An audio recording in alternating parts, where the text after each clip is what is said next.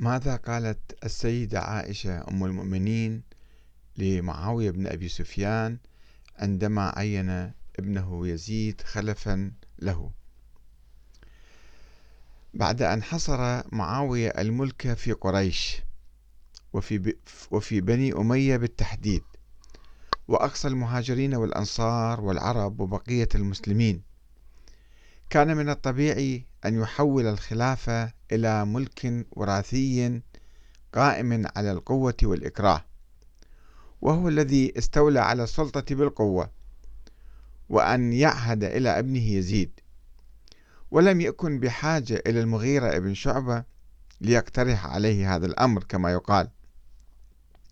فقد كانت كل المؤشرات تصب في هذا الاتجاه.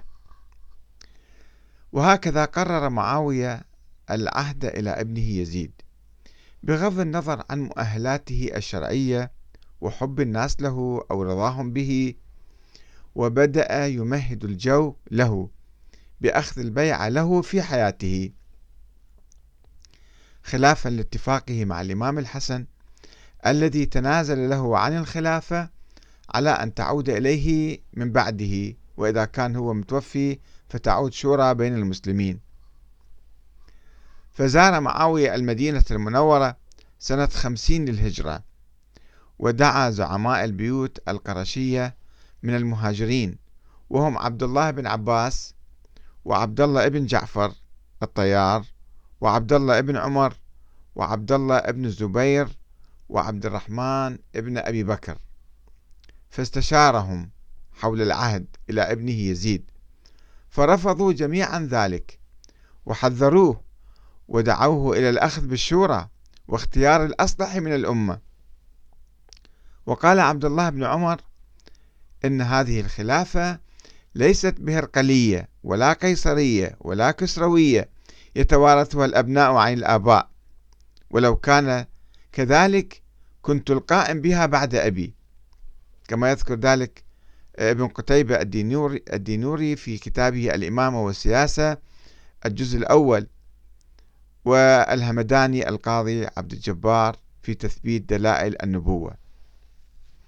وقال عبد الرحمن بن أبي بكر يا بني أمية إن هذا الأمر كان لرسول الله وقد كان في أهله وقد كان في أهله من لو جعله فيه لكان له أهلا فلم يفعل.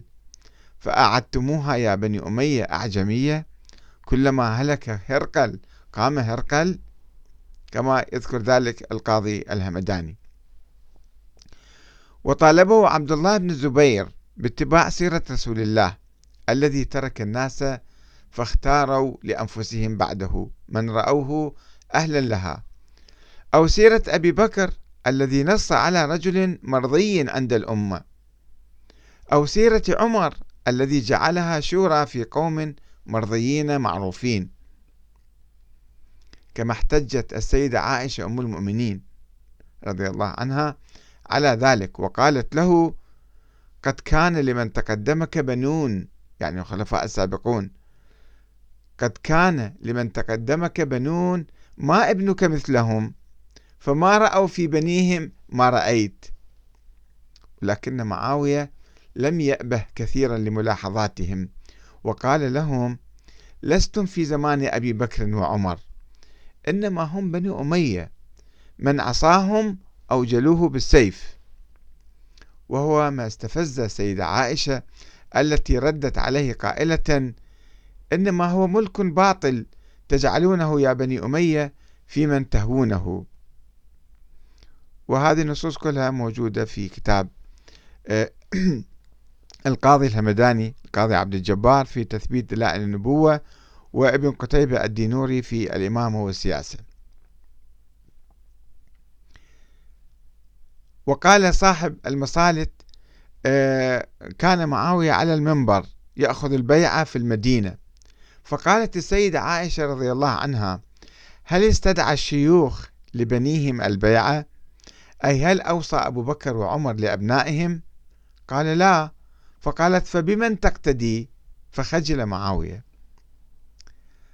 وحاول معاوية أن يصور للناس بأن تعيين يزيد من إرادة الله التي لا مفر منها فكان يقول إن أمر يزيد قضاء وقدر وليس للعباد الخيرة من أمرهم كما يقول ابن كثير في البداية والنهاية جزء 8 صفحة 126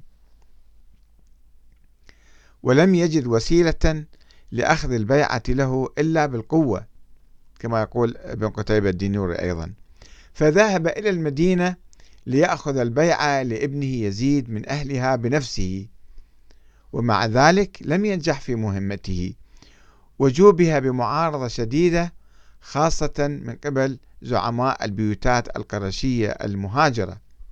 فنزل عن المنبر وانصرف إلى منزله غاضبا وأمر حرسه أن يحضروا هؤلاء النفر الذين أبوا البيعة وأوصاهم أوصى حرسه قائلا إني خارج العشية إلى أهل الشام فأخبرهم أن هؤلاء النفر قد بايعوا وسلموا فإن تكلم أحد منهم بكلام يصدقني أو يكذبني فيه فلا ينقضي كلامه حتى يطير رأسه. فحذر القوم ذلك. خافوا المسألة كل شديدة صارت. وقد روى ابن عبد ربه في العقد الفريد يقول لما أراد معاوية أخذ البيعة لابنه يزيد بعث إلى الأمصار أن يفدوا عليه فوفد عليه من كل مصر قوم. فقام الخطباء فخطبوا ثم قام يزيد بن المقفع. فقال أمير المؤمنين هذا مشيرا إلى معاوية فإن هلك فهذا مشيرا إلى يزيد. فمن أبى فهذا مشيرا إلى سيفه. فقال معاوية اجلس فإنك سيد الخطباء أو أنت أخطب القوم وأكرمهم. وأرسى معاوية بذلك أخطر انقلاب دستوري في تاريخ المسلمين من نظام الشورى إلى نظام الوراثة العائلية اعتمادا على قوة السيف واستنادا إلى أعراف النظام القرشي الجاهلي. وقد نسف هذا الانقلاب الإمام الحسين بخروجه على يزيد ورفضه البيعة له. والسلام عليكم ورحمة الله وبركاته.